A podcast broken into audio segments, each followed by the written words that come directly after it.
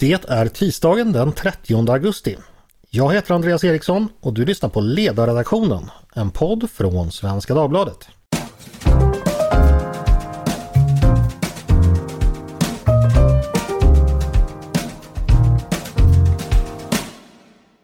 Varmt välkomna ska ni vara vänner.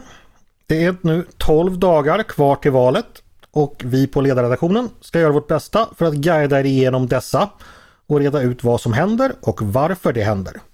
Med mig för att göra det idag har jag en samling kollegor och närstående, nämligen Tove Livendal, Jesper Sandström och Linnea Dubois. Varmt välkomna alla tre! Tack! Tack! Tack! Vi ska hinna med en allmän genomgång av eh, stämningsläget och valrörelsekänslan. Vi ska hinna med tre snackisar i valrörelsen och så ska vi ha ännu ett avsnitt i serien Så fungerar en ledarredaktion. Den här gången med tillägget i valrörelsen.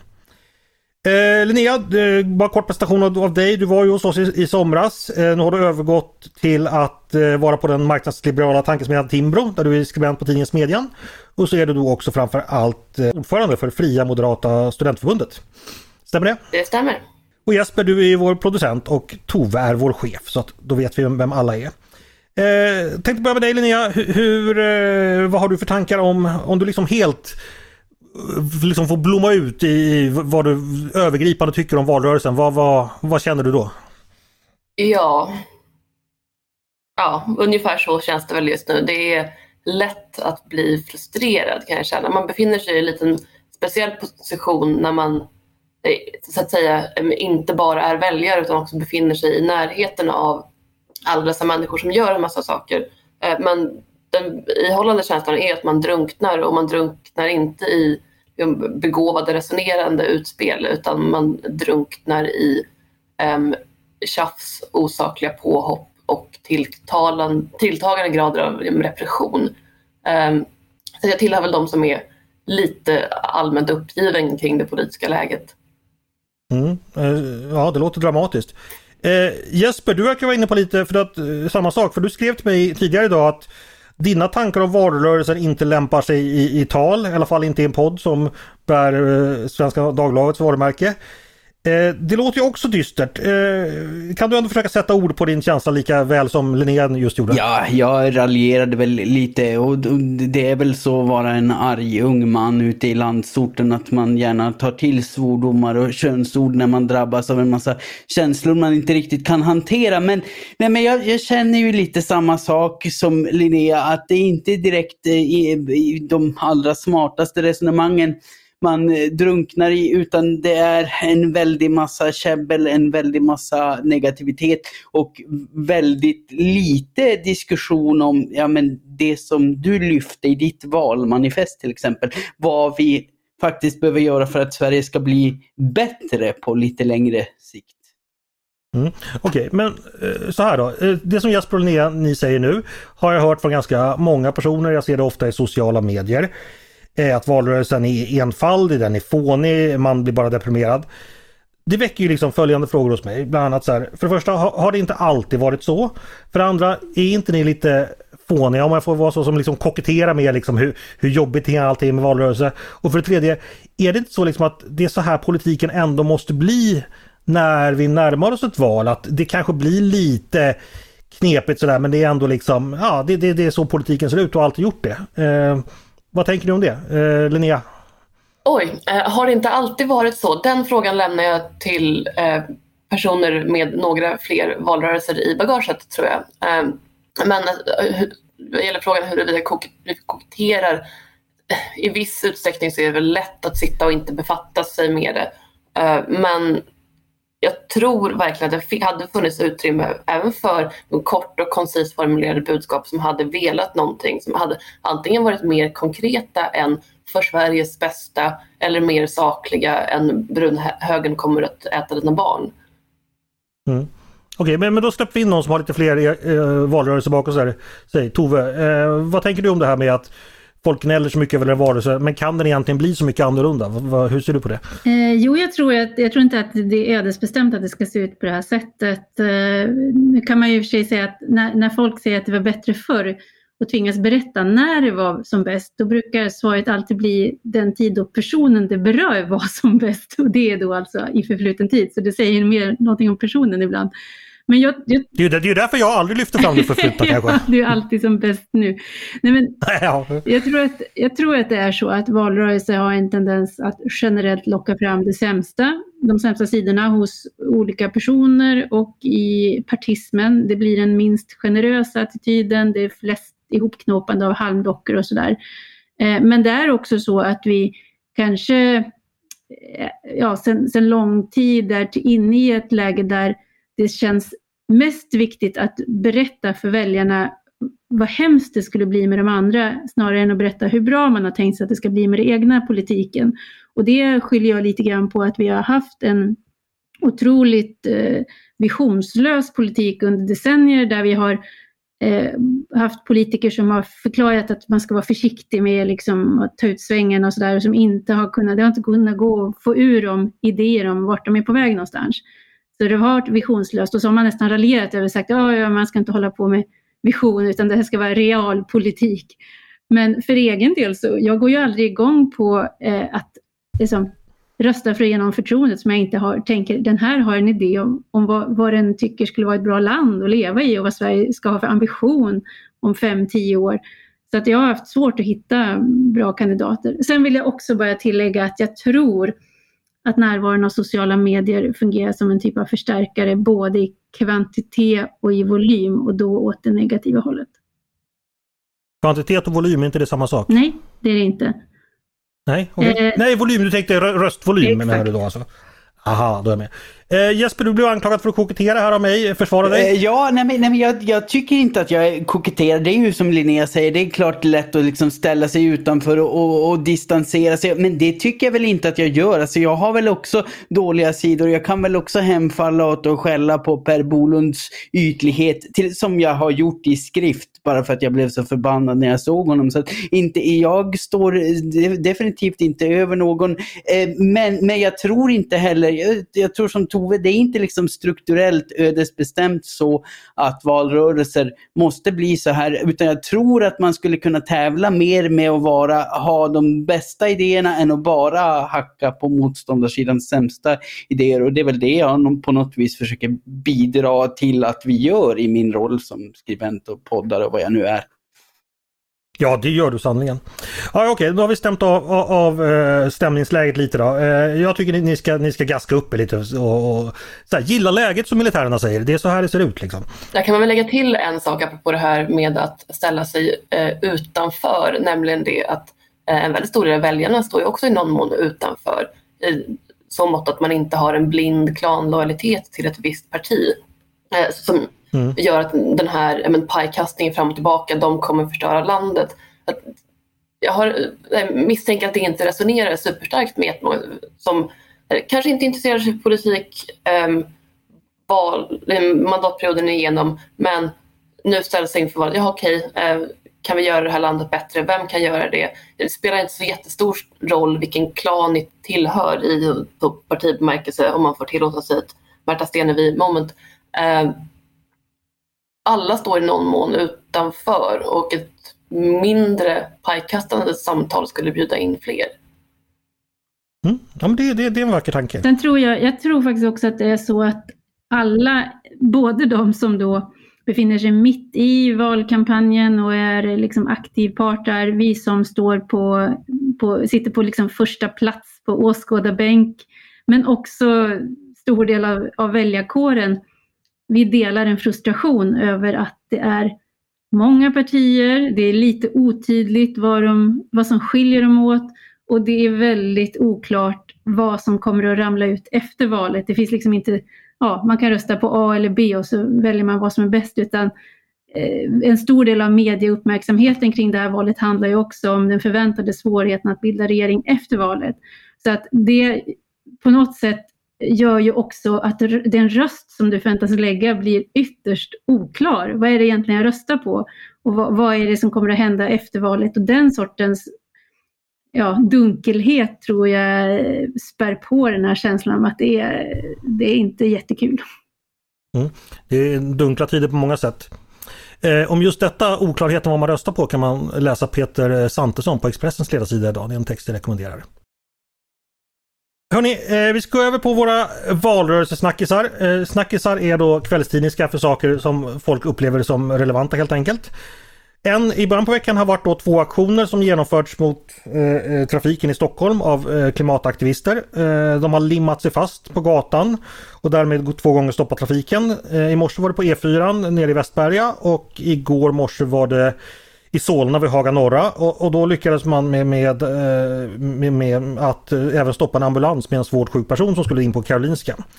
Detta har förstås väckt stor uppmärksamhet och också hamnat i valrörelsen förstås. Uh, Ulf Kristersson, Moderaternas partiledare, skriver på Facebook idag att, nu citerar jag, Miljöpartiets aktivister äventyrar våra liv.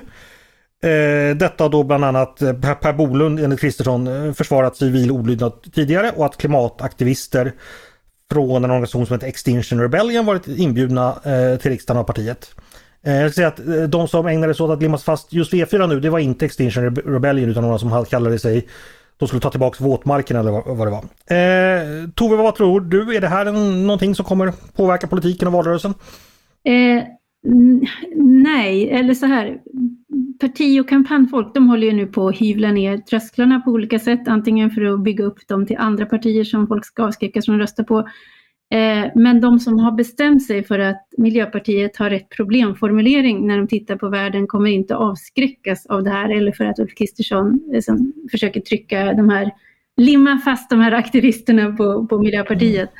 Eh, däremot, nu eftersom Mattias Svensson inte är med så måste jag stå för de här Göteborgsvitsarna så kan det ge mm. flygbränsle till de egna leden där man tycker att man hittar en attackpunkt. Och det kan ju smitta av sig därför att väldigt mycket i kampanjandet handlar ju om vad du har för tåga i de egna leden, om det är kul att vara ute och knacka dörr och prata med väljarna, om du känner att du har medvind eller om det är motigt.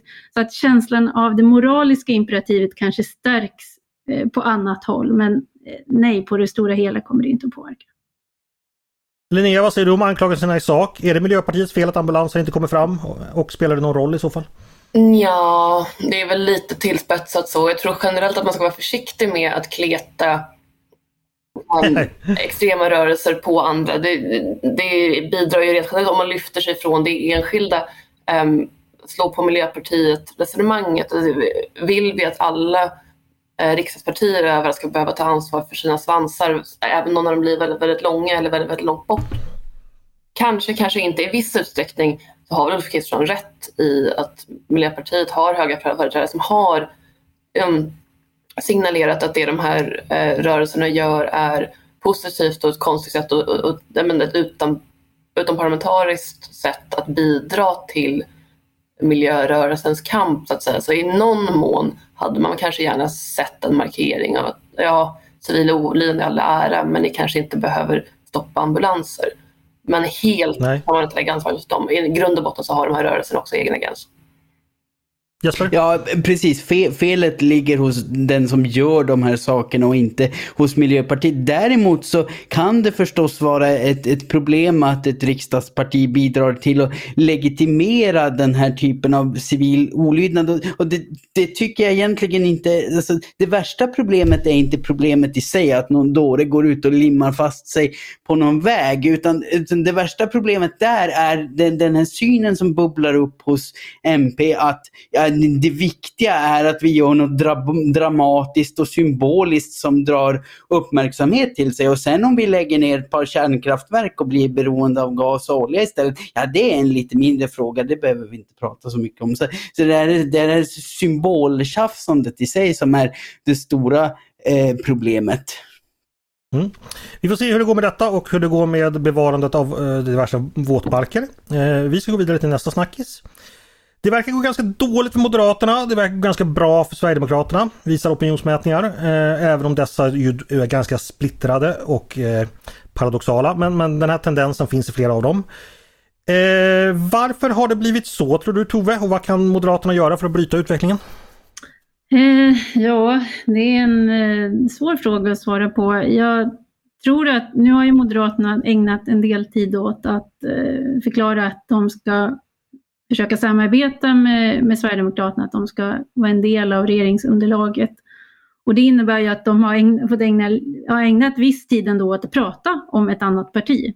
Och det tror jag är bekymmersamt därför att då lägger man mer tid, alltså det är tid som man skulle kunna använda för att prata om sin egen politik. Och jag tror ju att Moderaterna behöver fokusera på att formulera ett alternativ som gör att borgerliga känner att den där vägen vill jag att Sverige ska ta. Det där känns hoppfullt och meningsfullt. Eh, och det, där tror jag att Moderaterna kanske är det parti inom borgerligheten som liksom verkligen har den förmågan. Och då kan man inte ägna sig åt att diskutera regeringssamarbetspartners. Och sen förstår jag också att, att eh, politik handlar ju till syvende och sist väldigt mycket om matematik och förmågan att få ihop det där regeringsunderlaget när man sen sitter hos Andreas Norlén. Så att där har det också handlat om att både försöka eh, alltså, se om Sverigedemokraterna kan vara en partner som man kan ha med eh, genom det här budgetsamarbetet. Men också att berätta för väljarna att det här gör vi och vi tycker vi har ändrat åsikt i det. Men det är ju att lägga fokus på, på någonting som inte är politikens innehåll. Mm. Nu är det så att eh, vi och andra har beskrivit att Moderaterna utkämpar trots allt något form av tvåfrontskrig där det finns väljare att förlora både åt Sverigedemokratiskt håll och mm, vänsterut. Eh, det är väl uppenbart, tycker jag i alla fall, att det här tvåfrontskriget förs på väldigt olika sätt. Mot vänster attackerar man friskt. Mot Sverigedemokraterna har man då valt att eh, vara ganska passiv. Jag tror jag uttryckte mig i gårdagens podd som att man nöjer sig eventuellt med någon liten artilleriduell ibland men annars så är, är det helt stiltje.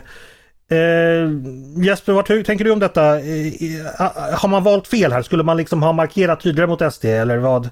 Vad tänker du? Nej, alltså jag vet när det parlamentariska eh, underlaget nu ser ut som det gör och det är som Tove säger, man behöver få ihop det om man sitter hos talmannen sen. Ja, ska man nu samarbeta med, med SD då kan man ju inte gärna eh, liksom, gå i krig med dem i, i varje liten chans man får utan, utan den chans man har om, om det nu eh, finns politiska skillnader som är viktiga att liksom belysa, det, det är väl att förklara varför den egna politiken eh, är, är bättre än, än, det, än det SD föreslår och varför de då eventuellt borde foga sig till den linjen i ett samarbete. Men, men, men att, att, gå, att gå liksom i något jämn, jämnstarkt krig med det eh, parti som man har tänkt sig att samarbeta med och, och partier vänsterut som man absolut inte vill samarbeta med. Det, det funkar väl inte rent tekniskt. Liksom. Nej det gör det såklart inte. Å andra sidan kan ju Socialdemokraterna hålla en ganska eh, ja, kanske inte frän men ändå liksom eh, en ganska fast ton både mot Centerpartiet och Vänsterpartiet och Miljöpartiet och de ska man ju ändå samarbeta med sen. Eh, var, varför kan eh, S göra det men inte M? Men är, men är de så fräna? Jag, jag, vet, jag vet inte om de är så väldigt mycket fränare mot, mot C och MP än, än vad M har varit mot SD. Jag känner inte riktigt igen mig i det men... Nej, så kanske inte Eh, det är ju som du säger, eh, det har ju alltid varit en sanning att en borgerlighet som ska vinna över Socialdemokraterna måste vara eniga och det är naturligtvis därför som Moderaterna har valt att göra som man gör. Eh, Tove, eh, är det en sanning som inte, eller så här, enigheten och regeringsfrågan, det som borde avgöra, eh, har man tänkt fel den här gången? Är, är gamla förutsättningar förändrade? Ja, jag, jag, tror att man måste liksom titta på vad som har man, man säger så här, det, det, gamla provet, man kan öva på gamla högskoleprov men det kommer ändå vara ett nytt som man får skriva och det kommer vara nya uppgifter även om en del av metodiken kan användas. Och här tror jag att det är ingen som längre förväntar sig enighet, för det har vi hela Sverige har lärt sig det efter den senaste mandatperioden, att det är ett nytt läge och det kommer sannolikt inte att återgå till en väldigt förutsägbar tillvaro utan det är därför jag har pratat mycket om att parlamentet kanske kommer få mycket större roll eh, framöver och det finns någonting positivt och intressant i det tycker jag. Eh, så att då, har ju, då blir ju strategin det här som till exempel Centerpartiet säger nu att bättre då att vi försöker få in så mycket som möjligt av vår egen politik i helheten än att eh, liksom försöka baxa runt eller få ihop ett paket som ändå kommer att behöva kompromissas med.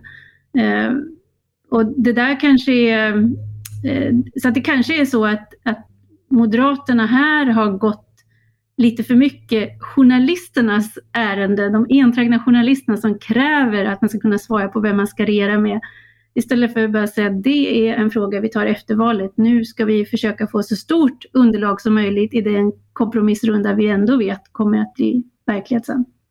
Mm.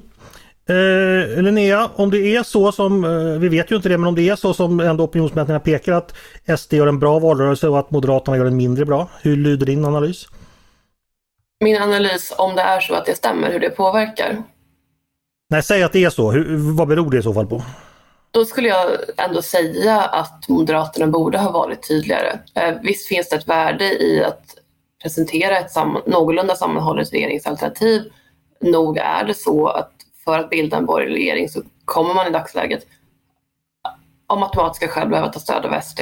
Men att man kan vara eniga på vissa punkter behöver inte ta exakt allt utrymme i um, liksom retoriken. Och jag gör bedömningen att Moderaterna har fokuserat väldigt mycket på att bara prata om det man har fullt stöd för i det regeringsunderlag man tänker sig. Och då drunknar lite den specifika moderata visionen. Um, ehm, Oliver Rosengren, kommunalrådet i Växjö som kandiderar till riksdagen nu, har varit ute och försökt poängtera att vår ekonomiska politik skiljer sig väldigt mycket från Sverigedemokraterna. Det är möjligtvis en framkomlig väg att poängtera. Vi har egen politik också. Visst, det finns ett samarbete, men vi är fortfarande ett parti i det samarbetet.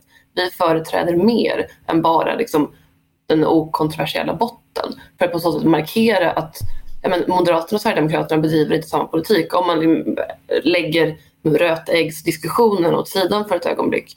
Sen är det ju förstås så att eh, man kan ju diskutera taktik och hur olika partier påverkar varandra men det är ju också så att Sverigedemokraterna är ju naturligtvis populära på grund av att de är populära. Jag menar, vi vet att de är starkast när det gäller brott och, brott och straff. Eh, 30 av väljarna anser att de är det absolut bästa partiet där. Och Sverige slog ju faktiskt eh, årsrekord på årsnivå eh, när det gäller dödliga skjutningar. Vi kommer landa 50% högre än, än tidigare rekordår. Det vet vi nu redan före valet. Eh, det Tove påverkar väl också att sakfrågorna helt enkelt går SDs väg. Så gör det och de har ju, det, det är inte så att det, det, finns någon oklarhet att Sverigedemokraterna har reagerat väldigt starkt på den samhällsutvecklingen. Det, det är ju välkänt. Sen tror jag också att det fortsatt spelar roll att Sverigedemokraterna eh, uppfattas vara mobbad som parti. Jag tror att det finns fortfarande många som reagerar på det och tycker att det ägnas för mycket tid att tala om hur hemska de är och eh, vilka mörka krafter de bär än att diskutera i sak. Och jag tror att det gagnar dem. Mm. Det, det där tycker jag jag har upplevt mycket också ute i landet. Liksom bland gamla bekanta uppe i Gällivare och sådär. Att det finns fortfarande en väldigt tydlig bild av att SD är underdogs, är emot etablissemanget, emot de som redan har suttit vid köttgrytorna och utmobbade därifrån. Även om de nu börjar bli Sveriges tredje eller till och med näst största parti. Ja, och så är det ju. Hela Socialdemokraternas kampanj går ju ut på att SD inte ska få makt. Det finns ju ingenting annat där så att det mm. vore väl kanske förvånande om det inte blev så. Hörrni, vi ska gå vidare. Eh, dags för ännu ett avsnitt i vår mycket allmänbildande serie Så funkar en ledarsida. Nu med tillägget i en valrörelse. Eh, för inte alla som vet, inte ens eh, vi som jobbar på, på ledarsidor ibland faktiskt. Eh, vad är det vi på ledarsidor ska göra? Vad förväntas vi göra? Eh, vad kan vi göra i en valrörelse och vad, vad får vi absolut inte göra? Eh, Tove, det är ju du som får stå för sakkunskapen här. Eh, första frågan är helt enkelt är en ledarsidas uppgift under en valrörelse en annan jämfört med annars? För, förändras den på något sätt eller är det business as usual? Eh, det är inte business as usual, men vår uppgift är ju på något sätt evig. Vi vinner inte val åt partier. Vi vill att våra idéer och värderingar ska få genomslag. Så, och, och, på redaktionen så skulle jag förmoda att vi röstar på både olika personer och partier. Själv välja... Jag tackar fan för det. själv välja, och det handlar inte bara om att vi geografiskt befinner oss på olika håll och har tillgång till olika röstsedlar. Men också där, själv väljer jag alltid personer före partier och då brukar det bli olika partier. Så det här med obunden moderat, det kvarstår även under valrörelser. Men sen är ju då vår uppgift eh, att den är, ju, den är ju som alltid tudelad. Dels så vill vi ju någonting, vi vill förändra Sverige i en frihetlig riktning och stärka incitamenten för politiker att vilja göra rätt och låta bli att göra fel. Eh, men sen vill vi också göra läsare och lyssnare klokare eh, genom att ge dem underlag för sitt eget tankearbete och då behöver vi ta hänsyn till var de befinner sig. Och det är det som gör att vi exempelvis har gått in i valrörelseläge med vår podd. För vi har mm. bedömt att just nu är folks fokus på valrörelsen. Eh, även om man är trött på den så vill man ändå hänga med. Och eh, att vi har lekt med det här valmanifestet som form och urvalet i våra texter har större fokus på valet. En del texter är jätterelevanta men vi har valt att tänka att de publicerar vi lite längre fram när folk har, har utrymme för att tänka på annat än de senaste debatterna. För det är en annan mottaglighet. Så att på det sättet så är det inte business as usual men uppgiften förändras egentligen i grunden inte. Får jag fråga, stöter du på ibland en efterfrågan från läsare eller från andra att vi borde bli mer tydliga att vi tycker så här och därför ska du också tycka så. Att vi liksom mer tydligt ska säga ni bör rösta på Moderaterna för ett maktskifte därför att och behöver du hjälp med argument så är de A, B, C. Eh, eller är, eller är vi tillräckligt eh, konkreta där? Jag, Har du alltså, för det? Moderaternas partiledning skulle nog gärna se att vi gjorde det. Eh, nej men skämt åsido. Nej, jag skulle nog säga generellt sett så jag, jag får inte liksom den sortens eh, krav. Det, det, kan, ju, det kan komma här, partimänniskor kan tycka att vi borde hjälpa till bättre. Så kan det nog mm. vara och det, det, det, det är stående. Jag tror att den, den diskussionen har Håkan Hagvall och Mats Johansson och P. Anders Linder fått ha också. Eh, men men däremot så, jag med, sen är det ju så att även om vi då tänker eh, olika och sådär på redaktionen så har vi ju i, i grunden eh, värderingar som finns så att säga på samma planhalva och eh, jag kan nog säga att vi är helt ense att vi är alltså en annan regering. Och då kan man ju så att säga berätta om skälen för varför man tycker det och vad vi skulle vilja se istället. Och det, det tycker jag, det gör vi och nu har vi i år valt att göra det genom att göra personliga valmanifest och verkligen mm. var och en berätta, det här är min agenda, det här drivs jag av, det här tycker jag är viktigt, det här skulle jag vilja att politikerna gjorde. Eh, och det tycker jag, det är ett sätt att vara väldigt transparent med hur vi tänker och tycker. Mm. De här valmanifesten då, eh, de har ju skrivits av bland annat vi som pratar i den här podden. Eh, totalt är det väl åtta medarbetare som har skrivit. Tove, har du fått några reaktioner på dem eller? Ja, vi tio faktiskt blev det till slut. Tio? Ja. Nej men det har varit väldigt positivt en del av våra läsare har en överdriven tro på att vi vore lämpade att starta och bilda ett parti. men, Åh herregud så fel de har. Ja, eh, men på den mer substantiella bogen så uppskattas det just att vi bekänner färg, att vi tycker någonting själva. Eh, vi har fått beröm både för att det har varit just idéer men också för att det ibland har varit konkretion. Vi har ju haft lite olika typer av program. Eh, och jag själv då som har en eh, tendens att sväva ut och resonera och fram och tillbaka. Jag ansträngde mig faktiskt för att i punktform försöka trycka fram ett antal reformer jag gärna skulle se att en ny regering gjorde. Men också att vi, vi står för vad vi tycker och att det finns en bredd. Så det har varit mm. den positiva feedbacken, Ingen, inga, inget klagande. Ja, vad skönt. Alltså vad, ledarsidor är ju olika. Jag såg till, faktiskt till min stora häpnad igår att Aftonbladets ledarsida hade gjort en valfilm. Eh, som handlar om Moderaterna och Sverigedemokraterna och ja, ni kan tänka er ungefär budskapet. Eh, den tyckte jag i princip hade kunnat vara gjord av kommunikationsavdelningen på, på Socialdemokraternas eh, partihögkvarter. Eh, är det någonting vi borde ägna oss åt, Tove? Nej. Har du funderat på det? Gör, göra valfilmer? Nej, verkligen inte. Inte av den karaktären. I så fall så skulle vi göra dem men de resurserna har vi inte. Då skulle vi ha gjort dem på våra egna valmanifest. Det kanske kunde ha varit mm. roligt. Uh, men, men nej, nej. Verkligen inte. Nej, nej. Jag, jag, brukar ju säga, och det, det, menar jag helt gravallvarligt, att om jag någonsin hade upplevt att Tove, eh, eller vem som nu chefar för tillfället, Peter eller någon annan om det är på sommaren, om någon av er hade varit tillnärmelsevis så devota i förhållande till det moderata partiet som jag kan uppleva att Anders Lindberg blir i förhållande till Socialdemokraterna, då hade jag sagt upp mig på studs och så hade någon annan fått producera den här podden. Anders Lindberg då, ska vi berätta för er som inte vet, eh, politisk chefredaktör på Aftonbladet. Ja. Linnea, har du haft nöjet att eh, betrakta denna valfilm från Aftonbladets ledarsida? Jo då, jag har haft det odelade nöjet att titta på denna lilla eh, parodiska sketch. Blev du sugen på att göra egna? göra egna och göra egna. Um, det var ju inte överdrivet imponerande det Aftonbladet eh, lyckades åstadkomma.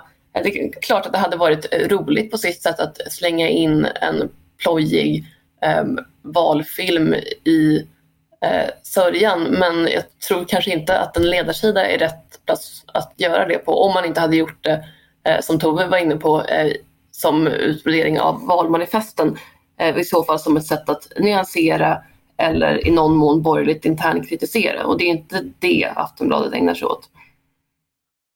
Mm. Hörni, eh, vår tid har tagit slut. Jag ska bara avsluta lite lättsamt. Eh, jag råkade faktiskt snubbla över partiledarnas favoriträtter i, i Altomat.